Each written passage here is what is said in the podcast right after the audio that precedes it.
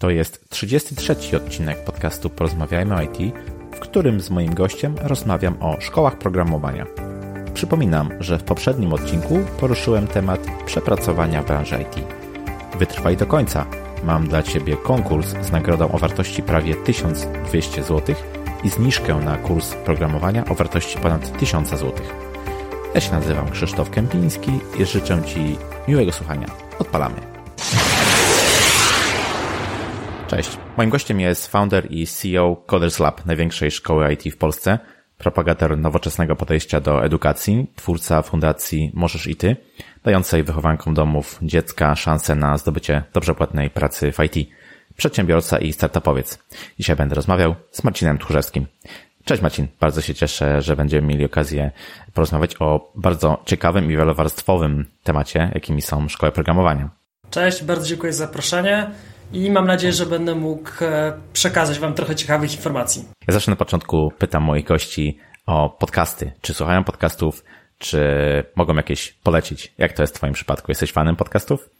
Jestem fanem słuchania książek, e, więc e, Audioteka i Audible e, tak naprawdę codziennie słucham, uprawiając sport, biegając, rozciągając się, robiąc jakieś rzeczy w domu, jadąc do pracy. Podcastów dopiero się uczę. W tym momencie tak naprawdę przeglądam prawie wszystko, co jest na polskim rynku. Zaczynam eksperymentować z zagranicznymi, głównie przez Spotify'a, więc cały czas jeszcze szukam swojego ulubionego. Mhm. Tak, ja też zdecydowanie słucham nie tylko podcastów, ale i książek, właśnie wypełniam sobie te luki e, czasu, kiedy się przemieszczam, kiedy, kiedy robię coś tam e, teoretycznie bezproduktywnego. Myślę, że to jest, to jest fajny, fajny sposób. Mm. To daje możliwość zrobienia dwóch rzeczy naraz właściwie, bo i czytamy książkę Ładnie. i robimy jakąś jeszcze drugą czynność, a, a leżąc na kanapie z papierową wersją, tak właściwie tylko jedna rzecz, chociaż też bardzo przyjemna. Pewnie, jak najbardziej. Mhm. E, Marcin, powiedz, skąd pomysł na założenie szkoły programowania? Skąd to się wzięło? Kto ją stworzył i, no i czy to był twój pierwszy pomysł na biznes, czy też miałeś już w swoim dorobku jakieś y, przedsięwzięcia? Coders Lab to e, przedsięwzięcie moje i mojego brata. Ja jestem po SGH-u, Jacek jest po Politechnice Warszawskiej, po informatyce, więc połączyliśmy te wszystkie kompetencje, których e, potrzeba, żeby prowadzić biznes IT, e, biznes edukacyjny w IT właściwie. U mnie było tak, że do końca 2012 roku zdobywałem doświadczenia w korporacjach, natomiast czując taki zew przedsiębiorczości i, i potrzeby zrobienia czegoś na własny rachunek, e, przeszedłem na e, własny biznes. Odpalałem kilka po kolei, tak właściwie tak pivotując, testując, szukając swojego miejsca. We wrześniu 2013 roku e, zaczęliśmy Coders Lab, więc to był któryś pomysł z kolei na te wszystkie wcześniejsze, to było raczej testowanie. Bardzo niewielkie oszczędności, zatrudnialiśmy wtedy dwóch studentów i wkładaliśmy dużo, dużo, dużo własnej pracy. No i Coders Lab był ten pomysłem, który i sprawdził się najlepiej na rynku i był czymś, co najbardziej lubiliśmy, a też wierzę, żeby odnieść sukces po prostu trzeba robić to, co się lubi i mieliśmy najwięcej serca do nauki, do edukacji. Bardzo fajna, fajna historia i zakończona sukcesem. E, jeszcze wracając do tych, do tych początków, trochę chciałem Cię zapytać, czy mm, czy czerpałeś inspirację z jakichś rynków zagranicznych, bo no, szkoła programowania w Polsce to jeszcze stosunkowo jest e, młody temat, prawda jest już, jest już e, kilka firm, które gdzieś tam w tym rynku się, się dobrze odnalazły, ale mimo wszystko, mimo wszystko to jest, to są jakieś tam początki. Mm, czy czerpałeś właśnie inspirację gdzieś z zachodu, ze Stanów, e, z, z Europy, czy też to może był zupełnie twój taki pomysł autorski? Patrzyliśmy na to, co się dzieje w Stanach Zjednoczonych. Tam bootcampy programistyczne zaczęły się pojawiać w 2012 roku pierwsze. Myśmy niecały rok później zaczęli je tworzyć w Polsce, byliśmy pierwszą szkołą w Polsce i dzięki temu, że zaczęliśmy tak wcześnie, to w tym momencie ten rynek bootcampów programistycznych, bootcampów IT e, w Polsce i Wielkiej Brytanii są dwa naj bardziej dojrzałe rynki, e, gdzie jest najwięcej szkół, najwięcej form nauki, e, najwięcej technologii, których się można w ten sposób nauczyć. Oczywiście Stany przodują, natomiast e, Stany w ogóle, jeżeli chodzi o IT, są takim rynkiem najsilniejszym, gdzie jest najwięcej pieniędzy, najwięcej różnego rodzaju usług, ale też jest to rynek jednolity i bardzo duży wewnętrznie. Mm, myśmy początkowo zaczęli patrzeć, jak to robią w Stanach, natomiast potem okazało się, że trzeba bardzo mocno ten program przystosować do tego, jak uczą się Polacy, e, czego wymagają firmy w Polsce, jakie języki programowania są najpopularniejsze, jak wyglądają rekrutacje, więc tak właściwie pierwsze dwa lata to było cały czas patrzenie na to, co się dzieje na świecie, ale bardzo mocno, jak to powinno zadziałać lokalnie, nie kopiowanie tego pomysłu jeden do jednego, tylko rozumienie polskiego rynku. No właśnie, chciałem zapytać o ten polski rynek, bo wiem, że wychodzicie także za granicę, za granicę naszego kraju i powiedz, czy tam też takie dostosowanie do lokalnych warunków jest, jest konieczne, czy też można już czerpać powiedzmy z tego, co tutaj na polskim e, rynku wypracowaliście?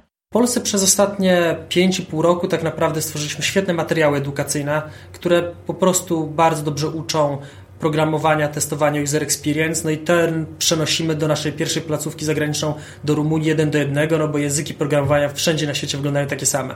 Więc mamy takie same materiały, takie same testy, ćwiczenia, e, podręcznik dla kursantów, podręcznik dla wykładowców, mentorów, którzy opiekują się całą grupą. W Polsce wytworzyliśmy wewnętrzny software, który wspomaga organizację kursów. Niebawem wejdzie część, która będzie wspomagała też naszym kursantom naukę. Już teraz mają wszystkie materiały dostępne w sieci, mogą zgłosić do nich uwagi, pytania, mają zawsze aktualne. No i to też przenosimy jeden jeden do Rumunii. Natomiast rzeczy związane z marketingiem, każdy rynek jest zupełnie inny.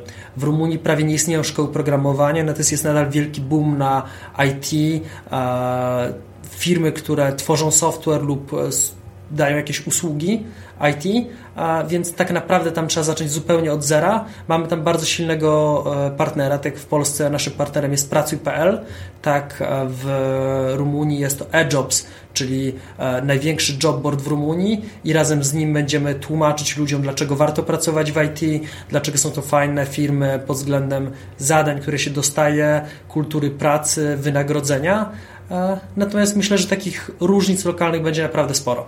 Mhm. To fajna, fajna perspektywa przed Wami. A skoro rozmawiamy o edukacji i o szkołach, to no, nie sposób nie zadać pytania, dlaczego e, uczelnie polskie, nie tylko pewnie, bo w innych krajach przypuszczam, że jest podobnie, dlaczego e, one nie są w stanie przejąć na swoje e, barki takiego kształcenia, jakie, jakie wy zapewniacie swoim, swoim e, studentom. E, z czego, z tego co się orientuję, to takich technicznych uczelniach zagranicznych jak MIT czy, czy, czy mm, Stanford na przykład kształci się ludzi, którzy dosyć dobrze od razu są w stanie wejść na, na, na rynek pracy, nawet są od razu powiedzmy zgarniani przez, przez, przez biznes z uczelni. I nie, nie jest konieczny taki bardzo e, długi proces tak naprawdę przystosowania do, do tego stanowiska e, pracy, bo dysponują po prostu te osoby umiejętnościami, które można prawie że od razu e, wykorzystać. Mm, w naszym kraju często jest tak, że nawet studenci, którzy są w trakcie procesu e, kształcenia, w trakcie zdobywania wiedzy, zdają sobie już sprawę, że ta wiedza jest nieaktualna, że uczą się rzeczy, które są albo przestarzałe, albo których tak naprawdę nigdy nie będą e, wykorzystywać. Skąd właśnie jest ten dysonans pomiędzy uczelniami, a, a tym, czego potrzeba na rynku? Mhm. To po pierwsze, dysonans polega na tym, że, ale to na całym świecie, uczelnie wyższe to jest 2, 3 do 5 lat studiów, które roz, e, uczą wielu różnych umiejętności. Fizyka, matematyka, wiele różnych dziedzin technicznych i programowanie jest jedną z nich. Natomiast my jesteśmy nowoczesną szkołą zawodową, która skupia się na jednej bardzo konkretnej e, dziedzinie wiedzy, to jest programowaniu lub na kursie testerskim testowaniu, user experience, będziemy mieć tych dziedzin coraz więcej. Natomiast uczymy się specjalistycznie jednej wiedzy, więc możemy zrobić po prostu szybciej, omijając wszystkie inne tematy. I ja nie jestem przeciwnikiem studiów technicznych. Uważam, że one mogą bardzo fajnie nauczyć, jeżeli studujemy na jednej z najlepszych uczelni. Uniwersytet Warszawski, Politechniki, e, czołowe kierunki. No i tutaj jakby zaczynają wchodzić te różnice takie polskie. Większość uczelni niestety ma kadrę, która jest to są profesorowie z bardzo dużym dorobkiem, stażem, natomiast nie znający dzisiejszych realiów rynku pracy, nie znających nowoczesnych technologii. Druga sprawa, uczymy bardzo wielu niepotrzebnych rzeczy.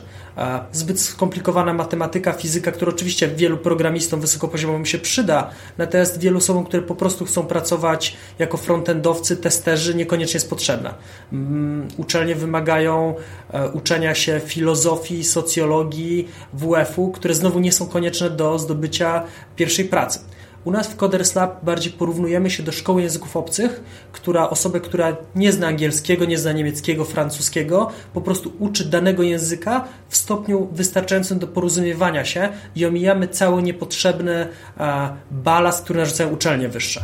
Bardzo często przychodzą do nas ludzie już ze skończonymi studiami, skończonymi studiami i oni nie chcą powtarzać tej drogi akademickiej i uczyć się pobocznych przedmiotów, tylko chcą znowu zdobyć nowy, dobry zawód. Mm, niestety uczelnie w Polsce też są po prostu źle zarządzane. Uczelnia może raz w roku zmienić lekko projekt, program studiów, które znowu musi zaakceptować ministerstwo, są jakieś narzuty. My tak naprawdę jesteśmy w stanie co trzy miesiące zmieniać program, tak żeby on był zawsze e, odpowiadający na potrzeby rynku pracy, tego jak zmieniają się języki programowania. I wydaje mi się, że do nas przychodzą też ludzie, którzy mają 80% naszych kursantów są ludzie 23-32 lata, więc często ludzie albo już skończyli właśnie licencjat, magisterkę, taka jedna grupa, która przedłuża ten cykl edukacji o konkretną wiedzę zawodową u nas, albo są to ludzie, którzy mają kilka doświadczenia zawodowego w okolicach 30, mają już nauczone radzenie sobie ze stresem, rozwiązywanie problemów, kulturę uczenia się, pracowania i potrzebują takiej konkretnej branżowej wiedzy. No i wtedy uczelnie wyższe po prostu się nie sprawdzają, natomiast zdaję sobie sprawę, że ludzie w wieku 18-19 lat bardzo często idą na licencjat. Ja po prostu mam nadzieję, że coraz częściej zamiast magisterki będą wybierać nasz kurs, co już się dzieje i tak samo jak bardzo często zamiast podyplomówek e, wybierają nasze kursy właśnie weekendowe. Tak, właśnie dałeś takie fajne porównanie e, Coders Lab do, do szkoły zawodowej, która tak de facto uczy jakiegoś fachu, konkretnych e, umiejętności i myślę, że to jest też taki duży brak, który, który w, ogól, w ogólności zaistniał na polskim rynku, kiedy o szkołach zawodowych no, zaczęło się trochę źle mówić przez taki pryzmat może bardzo słabej edukacji, bardzo słabego wykształcenia i bardzo szybko okazało się, że po prostu brakuje ludzi z konkretnymi umiejętnościami. Teraz już powiedzmy to trochę jest może mm, w odwrocie i wraca się do takiego kształcenia, które z tego co wiem, na przykład wiadomo, w Niemczech jest ciągle bardzo, bardzo silne i bardzo, bardzo potrzebne. Mm, spodobało mi się właśnie to porównanie, e, które, które powiedziałeś, że bardziej patrzycie na, na to, co robicie jako właśnie poprzez taki um, sposób nauczania konkretnego zawodu, konkretnych e, umiejętności. Nie, nie kształcicie powiedzmy ogólnie, tak, tak jak na przykład to robią to uczelnie, które dają mm, szeroki powiedzmy pogląd na, na, na jakąś dziedzinę, ale, ale bez wnikania w praktyczne, praktyczne rzeczy. Wasze podejście do tej edukacji jest, jest no, zgoła inne, prawda? Tak, ja, ja bardzo o nas myślę jako szkole języków obcych, tylko że są to języki programowania. E, gdybym teraz nie potrafił mówić po angielsku i chciał się naprawdę efektywnie nauczyć, to wyjechałbym na dwumiesięczny kurs języka angielskiego do Wielkiej Brytanii, gdzie tak jak u nas uczyłbym się od poniedziałku do piątku 8 godzin dziennie, wracał do domu, robił jakieś prace domowe, powtarzał, w weekendy szlifował język z kolegami, znajomymi, więc ty, przez te dwa miesiące skupiłbym się tylko na nauce języka angielskiego i wrócił po dwóch miesiącach po prostu mówiąc. I dokładnie tak samo wygląda to w Coderslabie, kiedy osoba nie mająca wcześniej zbyt wiele doświadczenia, znająca jakieś podstawy, po prostu na dwa miesiące skupia się tylko i wyłącznie na tym jednym temacie, zgłębia go, po prostu jest w całości tylko i wyłącznie tym o, e, Słowo bootcamp wywodzi się z wojska. Bootcamp to e, szkolenie, które zamienia cywilów w żołnierzy. Jeżeli wybucha wojna, rekrutujemy cywilów, dwa miesiące w koszarach, robią pompki, uczą się strzelać, po dwóch miesiącach są żołnierzami. I trochę tak samo wygląda to u nas. Osoba, która wcześniej nie znała się na programowaniu, przez dwa miesiące skupia się tylko i wyłącznie na tej nauce. Jest to dzięki temu bardzo efektywne, bardzo spójne i po dwóch miesiącach może znaleźć pracę w nowym zawodzie. Tutaj jest jeszcze ważne, że Dwa miesiące wydaje się krótko, natomiast jeżeli policzymy sobie, że jesteś u nas w siedzibie e, przez 8 godzin dziennie, wieczorami powtarzasz, to właściwie jest to kilkaset godzin nauki e, i można te kilkaset godzin nauki przerobić ucząc się samemu popołudniami dwa razy w tygodniu, właściwie przez rok lub dwa lata. Więc to nie chodzi o dwa miesiące, tylko chodzi o ilość czasu poświęconego na naukę. A Marcin, wrócę jeszcze na chwilę do, do studiów, bo to jest taki takie standardowe podejście, klasyczne podejście do uczenia takiego stacjonarnego właśnie na miejscu, ale no żyjemy w czasach, kiedy mamy inne możliwości. Jest szeroko rozumiany e-learning, wiele platform z, z kursami, ta wiedza powiedzmy jest dosyć powszechna i dostępna, nawet jeśli chodzi o, e, o IT. Można by nawet zaryzykować, że, że prawie, prawie darmowa. Mm, I zastanawiam się, jaka jest różnica pomiędzy szkołami programowania mm, tym, nad tym, co dają właśnie takie kursy na popularnych e, platformach do, do, do e-learningu. W czym szkoły programowania mogą być lepsze na przykład? Mhm. Po pierwsze, my też mamy taki e, tryb nauki, który nazywam wirtualna klasa, gdzie każdy może być z kursantów w dowolnym miejscu na Ziemi zdzwania się dwa razy w tygodniu popołudniami, raz jeszcze w tygodniu w sobotę, e, wszyscy w tych samych godzinach, więc połowę materiału przerabiamy sami, drugą połowę w grupie razem z wykładowcą. Więc to, to dają nam nowoczesne formy nauki. Natomiast dlaczego my stawiamy na naukę w grupie, z mentorem, z wykładowcą, a nie na oglądanie filmików na YouTubie, gdzie są, jest przekazywana wiedza?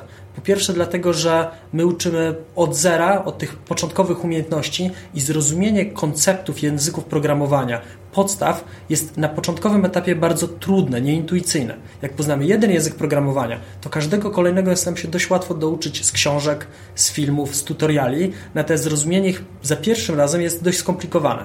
I wtedy kontakt z żywym człowiekiem pomaga. Po drugie, jeżeli jest to kurs, który trwa cały dzień, czy to od poniedziałku do piątku, czy ta wersja weekendowa, która wygląda jak podyplomówka, to właściwie no, mi byłoby się ciężko skupić 8 godzin samemu na nauce, oglądając YouTube, e, filmiki na YouTubie, a potem jeszcze wieczorem robić dwie godziny zadania domowe, a mając grupę po prostu współpracujemy z ludźmi, rozmawiamy, pomagamy sobie nawzajem, patrzymy jak ktoś inny zrobił kod i, i to nas motywuje. Motywuje nas też miejsce. Nie jest tak, że pracujemy w sypialni czy w salonie i, i łatwo się czegoś derwać, tylko wychodzimy tak jak do pracy czy do szkoły, więc mamy miejsce, w którym się skupiamy.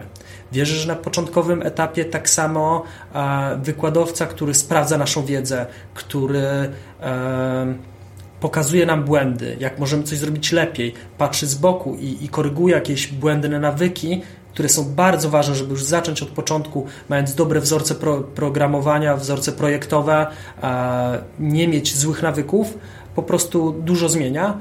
Ja to znowu porównuję do nauki angielskiego. W tym momencie, jak już dobrze mówię po angielsku, to uczę się czytając książki po angielsku, słuchając audiobooki, oglądając filmy, trochę robiąc jakichś specjalistycznych kursów. I też wiesz, że specjalistyczne kursy programowania w wersji fully online są bardzo wskazane. Natomiast zaczynając się uczyć nowego języka, na pewno nie zaczynałbym od wersji fully online, ponieważ ktoś musi skorygować mój sposób mówienia, wymowę, szyk układania zdania, coś, co dla mnie będzie oczywiste i ten kontakt z drugim człowiekiem zawsze na początkowym etapie jest bardzo ważny. Widzę to po, po sobie, jak e, idę na siłownię i uczę się, nie wiem, nowego sportu, biegania, e, nowego zestawu ćwiczeń. Zawsze to początkowo z trenerem, żeby nie mieć złych nawyków i, i może powiedzieć, że robienie pompek jest bardzo proste, natomiast widzę, że robiąc je z trenerem, robię ich więcej, szybciej i lepiej technicznie. Mhm. Bardzo dobre porównanie według mnie dałeś. Ja to odnoszę na przykład do sytuacji, kiedy do firmy przychodzi junior developer albo osoba, która jeszcze wcześniej nie pracowała jakoś bardziej komercyjnie. Mm, I ciężko byłoby mi sobie wyobrazić, żeby taka osoba zaczęła pracować zdalnie od samego początku, bo to jednak ten, ten, ten kontakt z, z kolegami bardziej doświadczonymi, taki szybszy feedback i, i po prostu bycie gdzieś cały czas w tym środowisku jest niezbędne. Dlatego na przykład praca zdalna według mnie dla osób takich początkujących nie jest dobrym wyjściem, a tak jak tutaj powiedziałeś, e, tak samo jak uczenie się z takich materiałów e, online'owych może być ok dla doświadczonych ludzi, tak samo praca zdalna też może być dla nich, dla nich ok. Mhm. Ja tylko jeszcze dodam, że poruszyłeś bardzo ciekawy wątek tej właśnie pracy zdalnej. Dużo kursantów przychodzi do nas i mówi, chcę pracować w IT, ponieważ moim marzeniem jest podróżować i pracować zdalnie. E, hmm. Mieszkać całą zimę w Tajlandii, e, w Egipcie, w jakimś ciepłym kraju.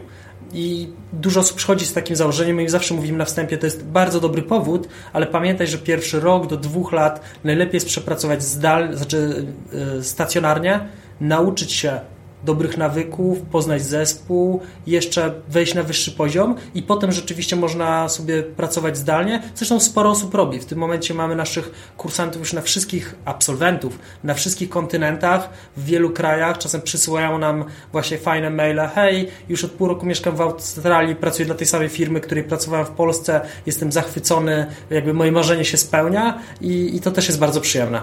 Mhm, fajna sprawa. A Marcin, zahaczyłeś trochę już właśnie o waszych absolwentów, w sensie, że to mogą być na przykład różne wiekowo grupy, zawodowo wręcz i tak dalej. Chciałem się zapytać, kto przychodzi na kursy do, do Coders Lab?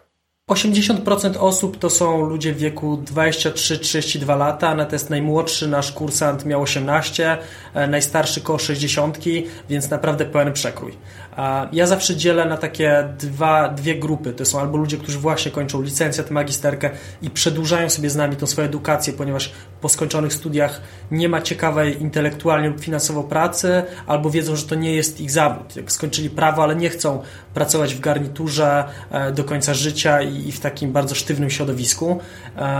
Albo są to ludzie, którzy są tuż przed 30, tuż po, mają kilka lat doświadczenia i chcą się przebranżowić właśnie po to, żeby robić coś ciekawszego intelektualnie, żeby zarabiać lepsze pieniądze, móc podróżować albo pracować po prostu w firmie, która szanuje ludzi, gdzie jest ta płaska struktura zarządzania, gdzie wszyscy mówią na ty, jest transparentność. No a takie w tym momencie są firmy IT. Ja w ogóle uważam, że najciekawszymi pracodawcami w naszych czasach to są firmy IT. Część osób oczywiście też myśli o pracy freelancerskiej lub własnym biznesie. Też bardzo mocno różni różnią się ludzie w zależności od kursów stacjonarnych, no bo tutaj na kurs stacjonarny przychodzą ludzie, którzy e, właśnie nie pracują, więc mają ten czas lub są tak zdeterminowani, że rzucili swoją pracę, przebranżawiają się w 2-3 miesiące i szukają nowej pracy.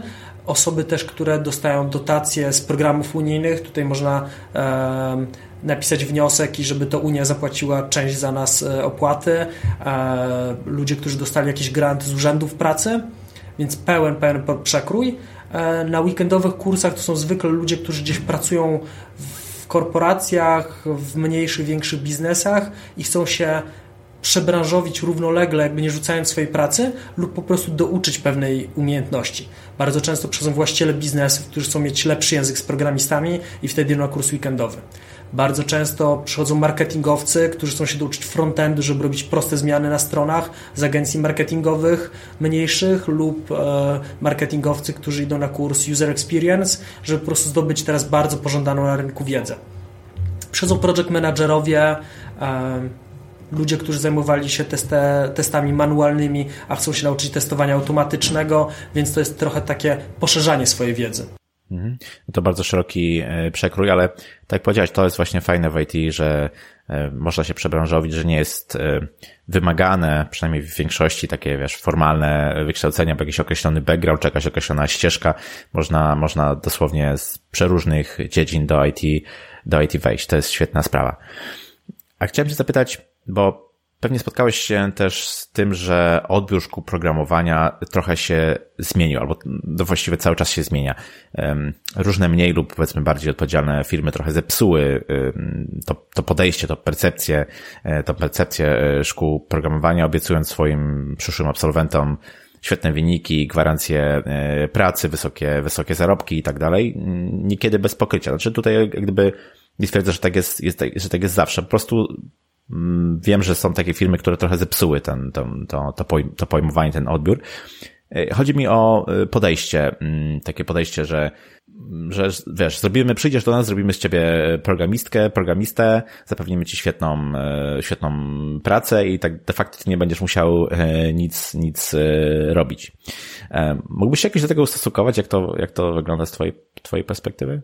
Oczywiście, że tak. Znaczy, niestety, ale żyjemy w czasach bardzo agresywnego marketingu, bardzo agresywnej sprzedaży e, i to się obraca przeciwko nam. Ja tu zawsze jako przykład podaję soki, które są w wielkim kartonie, mają od 5 lat bez przerwy napisane 50% gratis promocja. Od 5 lat ta sama i, i w tej samej cenie, więc właściwie promocji nie ma żadnej. No i niestety ja widzę po szkołach programowania, że niektóre co chwilę stosują promocje z jakiejś okazji, właściwie co dwa tygodnie masz inną promocję, więc właściwie cena regularna jest po prostu niższa, tylko udają te promocje. Są szkoły, które e, mają wyraźnie gorszą jakość, no i tutaj też warto się po prostu rozejrzeć, jeżeli nas zapisują na kurs, który się zaraz zaczyna albo już zaczął i nie każą się przygotować i nie robią testów w trakcie kursu, to, to jak oni to jakoś gwarantują albo firmy, które gwarantują, że od razu będziesz pracował zdalnie za wysokie pieniądze, to, to też trochę jest oszustwo. Więc e, ja zawsze polecam, żeby się przyjrzeć szkole, do której chcemy iść, kursowi, na który chcemy iść, porozmawiać po prostu z osobami, które nas zapisują. No i to, co my zawsze mówimy. Po pierwsze, każdy uczy się sam. Możemy trochę pomóc, ale nigdy nie nauczymy się za kogoś. Zawsze pomagamy przygotować portfolio na LinkedInie, GitHubie, CV, robimy taką pierwszą rozmowę rekrutacyjną, pomagamy przez specjalistów z pracuj.pl i to jest też jakaś nasza gwarancja, natomiast my nie mówimy, że gwarantujemy Ci pracę, bo każdą rozmowę trzeba odbyć samemu i to pracodawca zatrudnia Ciebie, a nie nas. Mm.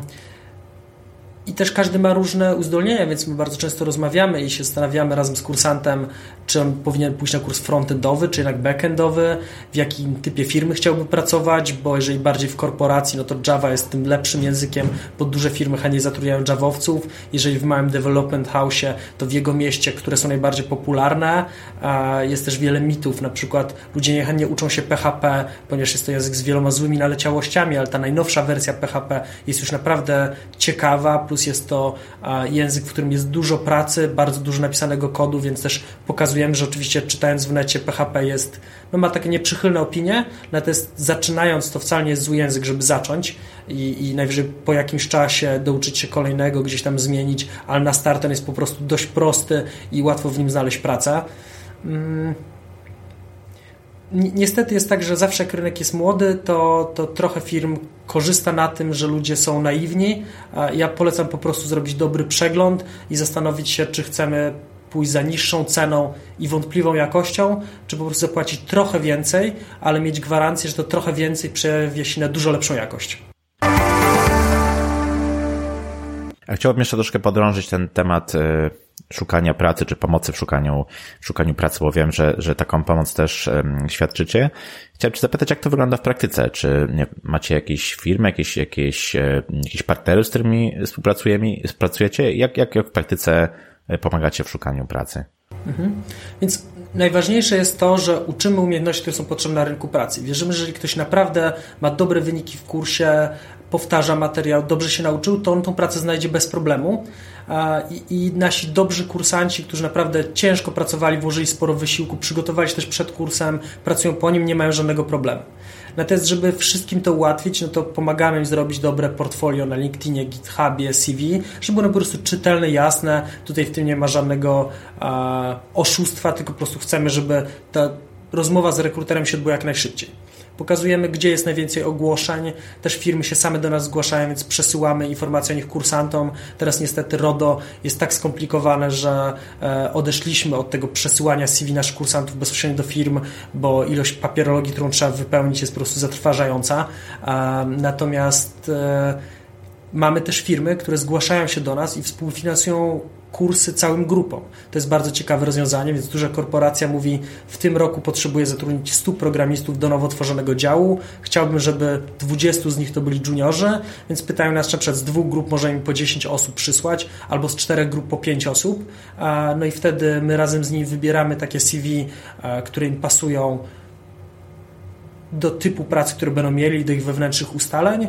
E, kursanci podpisują umowę z nami i z tą firmą, gdzie firma współfinansuje im część, na przykład połowę kursu, ale za to kursant się zobowiązuje, że e, potem przyjdzie do firmy i będzie tam pracował dwa lata i wtedy nie musi oddawać tych pieniędzy za kurs.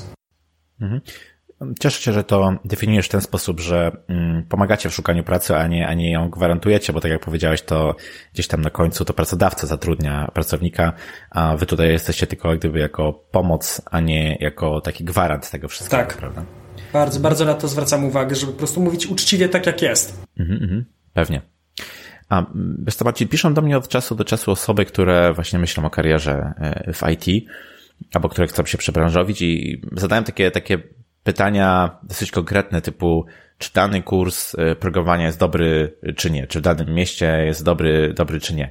Mm, mam z tym pewien taki problem, gdyż no, jestem świadomy, że wpływ y, nauczyciela, odpowiednie środowisko w szkole programowania i tak dalej jest, nie, jest do przecenienia, jest bardzo ważne w kontekście, wiesz, motywacji, inspiracji, przekazania wiedzy, mm, ale w IT większość umiejętności, które, które na przykład programiści posiadają, nabywa się po prostu praktykując tę dziedzinę, poświęcając e, wiele godzin na, na, na próbowanie kodu, na doświadczanie właśnie tego. Mm, często odpisuję takim, e, takim osobom, że oprócz wyboru danej szkoły czy danego kursu, niezbędne jest no, nastawienie. Nastawienie na, na samodzielne pogłębianie wiedzy, na poświęcanie właśnie tego dodatkowego y, czasu poza zajęciami, y, żeby, żeby nabrać tego, tego, tego skilla. Mm, Jaką masz opinię na ten temat? Czy, czy, czy zajęcia, czy, czy tylko te lekcje, które, które wydajecie dla waszych studentów, to jest wystarczająco, czy też, czy też jest to dopiero jakieś rozpoczęcie i, i tak de facto ta kontynuacja w własnym zakresie jest niezbędna?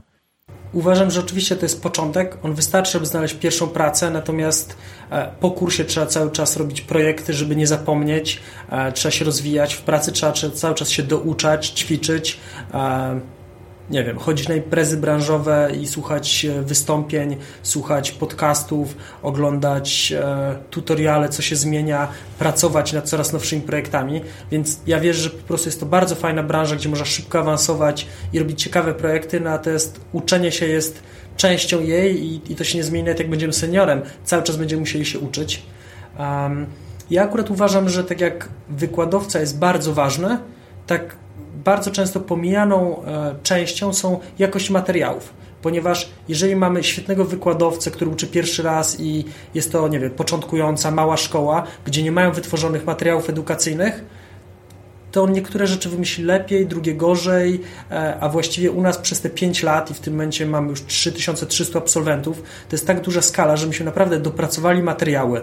Mamy bardzo fajnie zrobione ćwiczenia, zadania, wykłady, slajdy. No i ja to porównuję trochę do szkoły języków obcych, gdzie mamy dobrze przygotowany materiał podręcznik dla kursantów, on po prostu jest w wersji online, a jak ja się uczyłem w szkołach języka angielskiego, no to były to papierowe książki.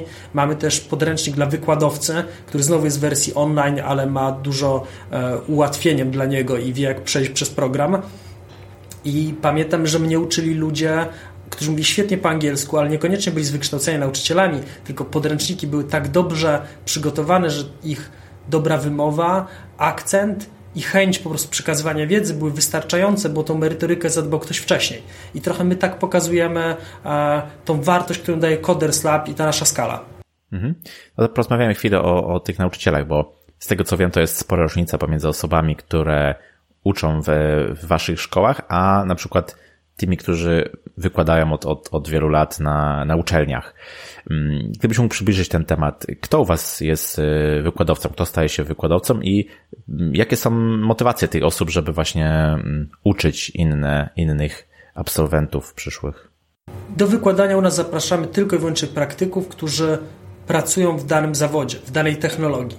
Więc podczas takiego, nie wiem, sześciotygodniowego kursu spotykamy czterech, pięciu różnych wykładowców, ponieważ kto inny się specjalizuje e, w HTML-u, kto inny w JavaScriptie, kto inny właśnie robi ten moduł backendowy, więc PHP, Ruby, Python, e, Java, .NET i, i staramy się złożyć z kilku różnych wykładowców też po to, żeby ludzie zobaczyli różne style programowania, różne sposoby pisania kodu, różne nawyki i mieli taki jakby szerszy przegląd.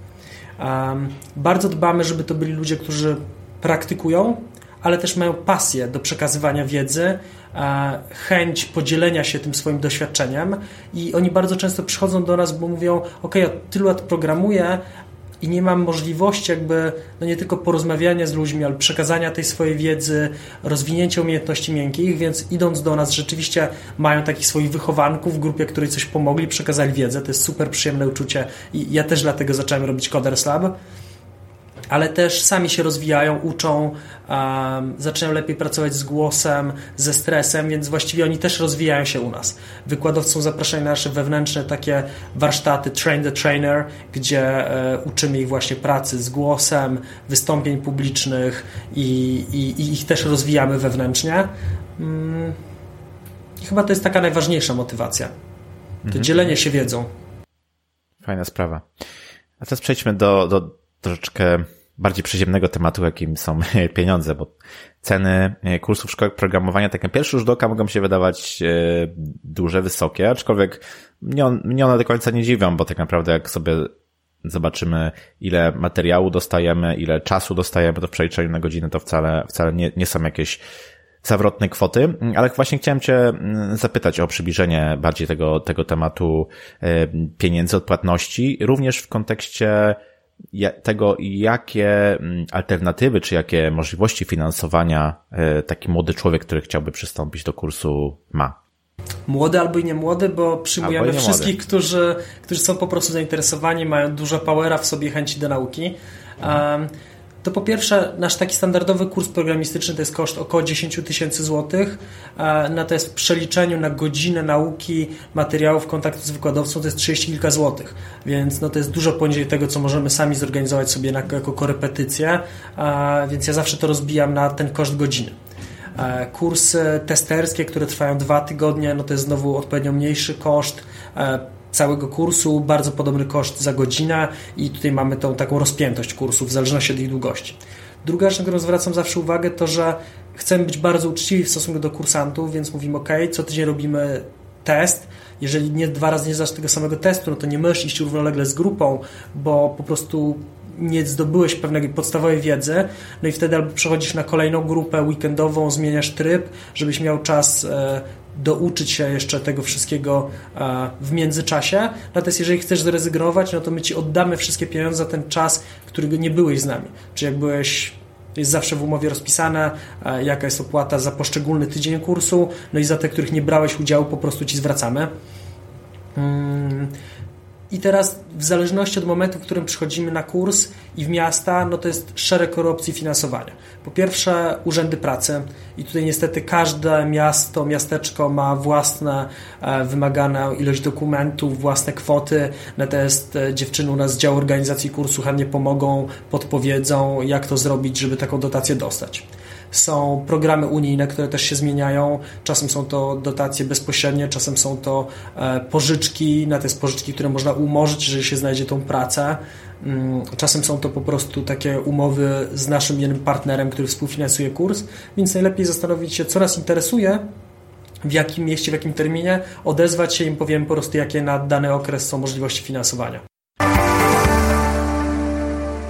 Wspomniałeś, że w Waszej ofercie jest też e, kurs e, zdalny. Mógłbyś coś więcej powiedzieć, powiedzieć o takiej hybrydowej formie właśnie uczenia się? Mhm.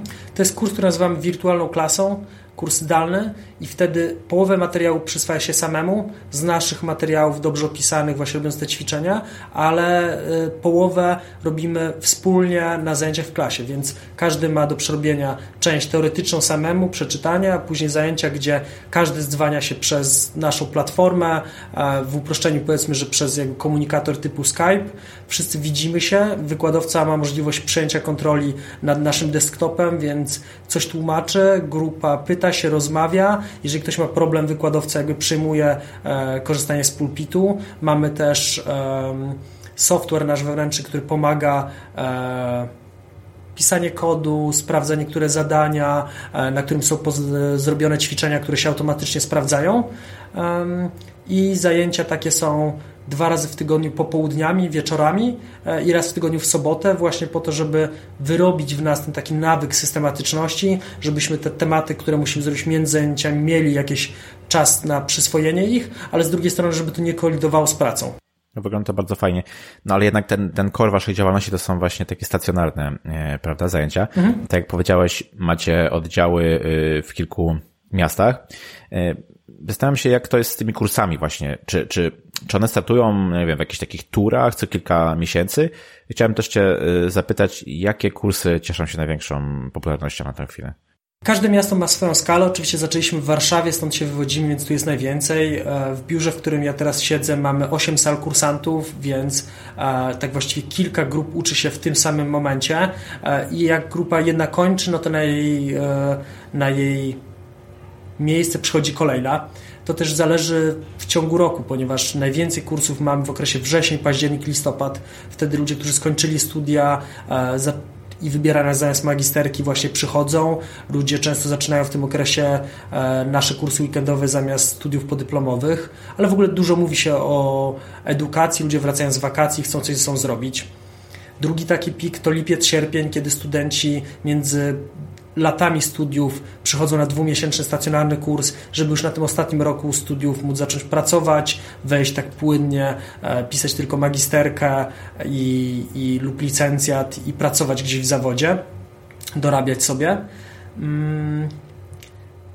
Są miasta oczywiście, gdzie mam mniejszą skalę i takie kursy trzeba poczekać, ale to, to zawsze trzeba indywidualnie spojrzeć. Poznań, Wrocław, Śląsk, e, Kraków, Warszawa, takie nasze główne ośrodki, ale w innych miastach też robimy kursy okazjonalnie.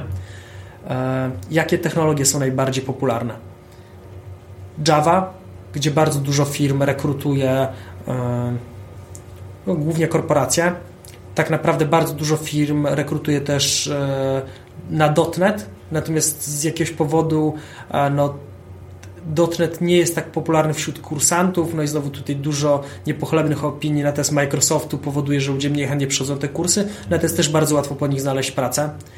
Najczęściej ludzie przychodzą na kursy frontendowe, więc JavaScript, ponieważ mówią, OK, to jest taki najprostszy, największa tak. część wizualna, będę wiedział, co się dzieje. Ja nie jestem zwolennikiem tego podejścia, ponieważ uważam, że na kurs frontendowy powinny pójść osoby, które mają taką dużą e, potrzebę tworzenia czegoś estetycznego, bawienia się mhm. kolorami, wersją wizualną. Ja na przykład nie mógłbym być frontendowcem, bo, bo po prostu za szybko by mnie to zjadło, a, a zadania backendowe, takie logiczne, gdzie jestem ja, komputer, zadania robię 2-3 dni, po prostu tworzę, żeby ten kod był jak najpiękniejszy, jak najbardziej dopasowany, żeby był e, i logicznie spójny, ale też jak najkrótszy, żeby to po prostu było też łatwe do czytania dla innych ludzi. To jest moja bajka. Więc ja wybrał e, języki e, backendowe. E, bardzo popularny w tym momencie jest Python, natomiast ja widzę, że najwięcej pracy i najszybsze efekty ma się po kursach PHP-owych, więc do nich też mocno wracamy wraz z tą nową wersją PHP. Mm. Natomiast cały czas staramy się coś dołożyć. Dość dużym popularnością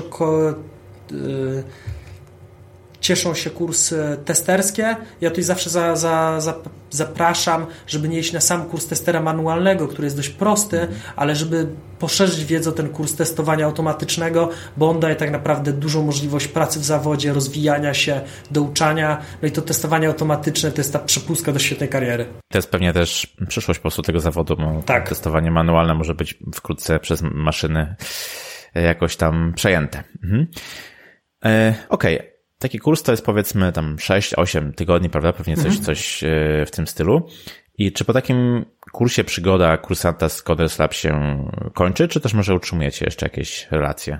My staramy się bardzo mocno, żeby absolwenci Codersa to była społeczność, tak ja jestem po SGH-u i, i spotykam innych SGH-owców i zawsze mówię, a z tej samej alma mater jesteśmy, więc taki od razu bratnia dusza. Tak więc po pierwsze staramy się, żeby ta społeczność w danym mieście bardzo żyła. Zapraszamy absolwentów co roku na urodziny Coders Lab, na inne okazje. E, jeżeli mamy jakieś wejściówki na eventy, podrzucamy im do grup na Facebooku, Slacku, LinkedInie. E, staramy się też promować ich sukcesy, pomagać im, jeżeli robią jakieś eventy e, IT, a mamy sporo takich osób, to też zapraszamy, żeby robili u nas w siedzibie, więc staramy się, żeby ta społeczność żyła.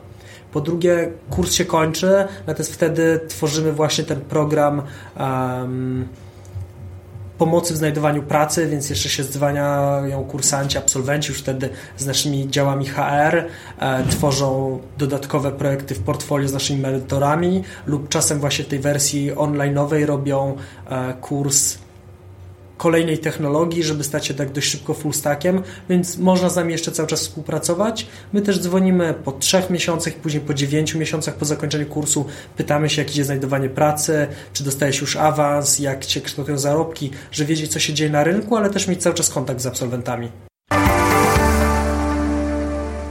Ja od kilku lat obserwuję taki wzrost y, ilości właśnie szkół programowania, bootcampów, kursów no fakt, że też sporo z nich y, upada, ale generalnie mam wrażenie, że ta, ta, ta ilość gdzieś tam ciągle, ciągle przyrasta.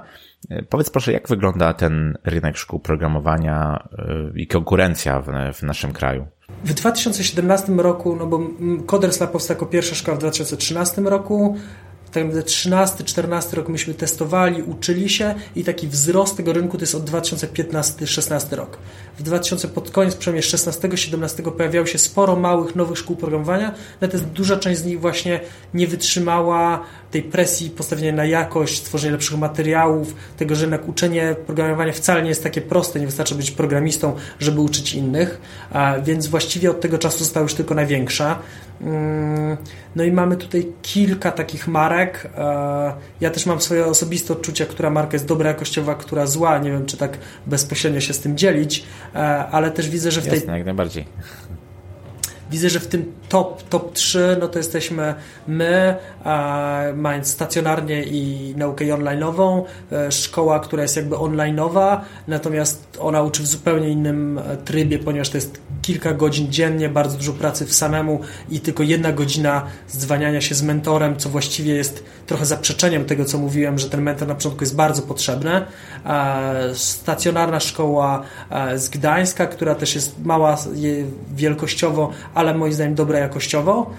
InfoShare mm, no i potem mamy tak naprawdę duży podmiot, który niestety jest w całej Polsce i robi bardzo kiepską jakość, głównie kursy javowe e, i, niestety trochę psuje ten rynek, też kilka kursów z firmami tak bardzo silnie położył, więc e, tu już nie będę wymieniał z nazwy, ale, ale proszę uważać. E, no i mamy dużo małych szkół, które powstały przez założone korporacje w jednym danym rynku, w danym mieście. No i tutaj trzeba się bardzo przyglądać po prostu kadrze wykładowców lub czy właściwie ta wielka korporacja, która ma tą szkołę, to jest plus, że jest to tak wielki organizm, czy minus, no bo to na pewno nie jest ich fokus. Mhm, no zgadza się.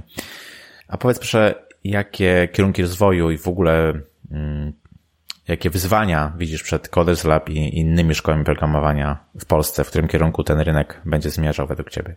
Myślę, że wszystkie szkoły będą szły właśnie w formę e, dodawania nauki online, takich wirtualnych klas. Natomiast ja znowu tu jestem zwolennikiem, nie każdy kursant uczy się samemu i godzina z wykładowcą, tylko kilka godzin spotkania grup, więc żeby ta, ta nauka e, właściwie była bardziej efektywna, to musi mieć więcej godzin i, i powiedzmy nasz kurs online'owy w 6 miesięcy ma dużo więcej godzin nauki niż e, inne online'owe, które trwają 9 czy 12 miesięcy. Drugim wyzwaniem jest powiększanie portfolio produktów, bo zaczęliśmy wszyscy jako szkołę programowania, w tym momencie Coders jako jedyny jest już szkołą IT, gdzie ma te kursy testerskie, user experience, natomiast my pracujemy nad kolejnymi zawodami IT i wierzymy, że chcemy być taką alternatywą dla uczelni wyższych a, i poszerzać cały czas te portfolio zawodów. To jest drugie.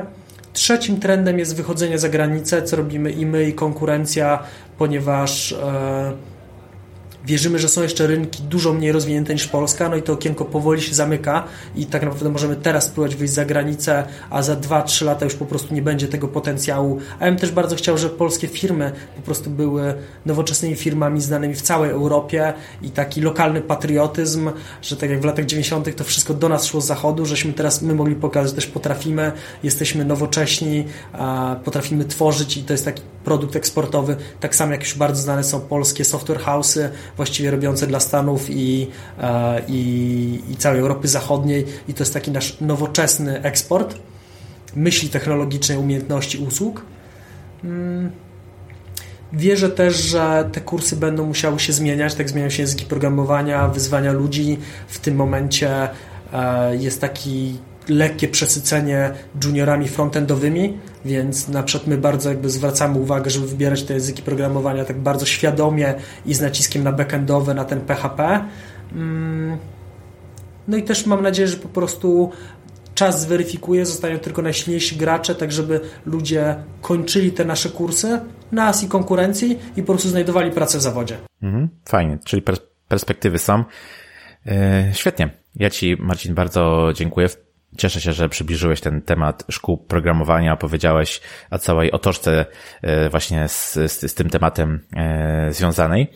Życzę Tobie, żeby ciągle ta, ta wysoka jakość Wam, Wam e, przyświecała, no i ekspansji, a też oczywiście, bo, bo fajnie się słyszy o firmach, które gdzieś tam za granicą również e, próbują działać i, i działają. Um, I na końcu chciałem Cię jeszcze zapytać, jak można najlepiej się z Tobą skontaktować i gdzie Cię znaleźć w internecie? Mm, wiesz co, na LinkedInie Marcin Tchórzewski, więc dostaję czasem zapytania naszych wykładowców, kursantów, firmy partnerskie i staram się na wszystkie takie maile odpowiedzieć. Na Twitterze, którego dopiero uczę się używać i wrzucam trochę informacji o nas, są to takie dwie najlepsze platformy. Tak naprawdę kontaktować się można przez naszą stronę coderslab.pl, gdzie właśnie z osobami organizacyjnymi danego miasta, z działami marketingu, organizacji kursów, tudzież drugi naszego projektu takiego, który mamy fundacyjnego możeszity.pl. To jest projekt, który my wraz z kilkoma firmami partnerskimi po prostu postawiliśmy sobie cel, że nasze kursy będziemy e, udostępniać za darmo osobom, które kończą domy dziecka, placówki zastępcze, żeby oni kończąc tą opiekę państwa mogli pójść za darmo na nasz kurs, dostać laptopa, dostać zakwaterowanie, wyżywienie w czasie kursu i potem móc zacząć pracę i karierę, która pozwoli mi się utrzymać, nie wracać do tych e, trudów życia, z którego się gdzieś tam wyrwali. E, więc mamy też taki projekt, który, który wszystkim polecam do poczytania. E, od czasu do czasu staram się wystąpić w jakichś podcastach, na konferencjach, albo po prostu wpaść do Coders Lab na prostą 51 w Warszawie, Właśnie, wypić ze mną kawę. Chciałem powiedzieć, że, że jeszcze zapomniałeś o stacjonarnej tak. możliwości. Super. Kawy zawsze chętnie wypiję. No i świetnie. Pewnie. Co, co do, wiesz, programistów nie trzeba zapraszać na kawę, oni zawsze są chętni. Super. Fajnie, Marcin. Bardzo, bardzo Ci jeszcze raz e, dziękuję i do usłyszenia. Trzymaj się, cześć. Dzięki wielkie za zaproszenie, miłego dnia życzę. Hej. I to na tyle z tego, co przygotowałem dla Ciebie na dzisiaj. Jestem pełen podziwu dla przedsięwzięcia, jakim jest Szkoła Marcina. Pomimo różnych opinii na temat szkół programowania, faktem jest, że stały się one już naszą rzeczywistością i wypełniają luki w nauczaniu, których tradycyjne uczelnie zdają się nie widzieć. A teraz obiecany konkurs i zniżka na kurs. Zapraszam Cię na konferencję Light w Krakowie, która odbędzie się 13 maja 2019 roku. Link w notatkach. To już piąta edycja, która w tym roku koncentruje się wokół haseł innowacje, technologia, człowiek. Wystąpi wielu znakomitych liderów również z IT, więc polecam. Do wygrania jest wejściówka o wartości 1200 zł. Aby ją wygrać, napisz w komentarzu pod wpisem do odcinka pod adresem porozmawiajmy o it.pl łamane na 33, jakimi cechami powinien charakteryzować się lider w IT. Konkurs trwa do 29 kwietnia 2019 roku. Wraz z organizatorami wybierzemy najciekawszą wypowiedź. Jeśli jeszcze nie oceniłeś mojego podcastu w swojej apce do słuchania, to jako formę oddzięczenia się zrób to zaraz po wysłuchaniu tego nagrania. Jeśli masz jakieś pytania, pisz śmiało na krzysztofmałpa porozmawiajmy o it.pl. Dzięki za spędzony czas ze mną. Ja się nazywam Krzysztof Kępiński, a to był odcinek podcastu Porozmawiajmy o IT o szkołach programowania. Zapraszam do kolejnego odcinka już za dwa tygodnie. Cześć!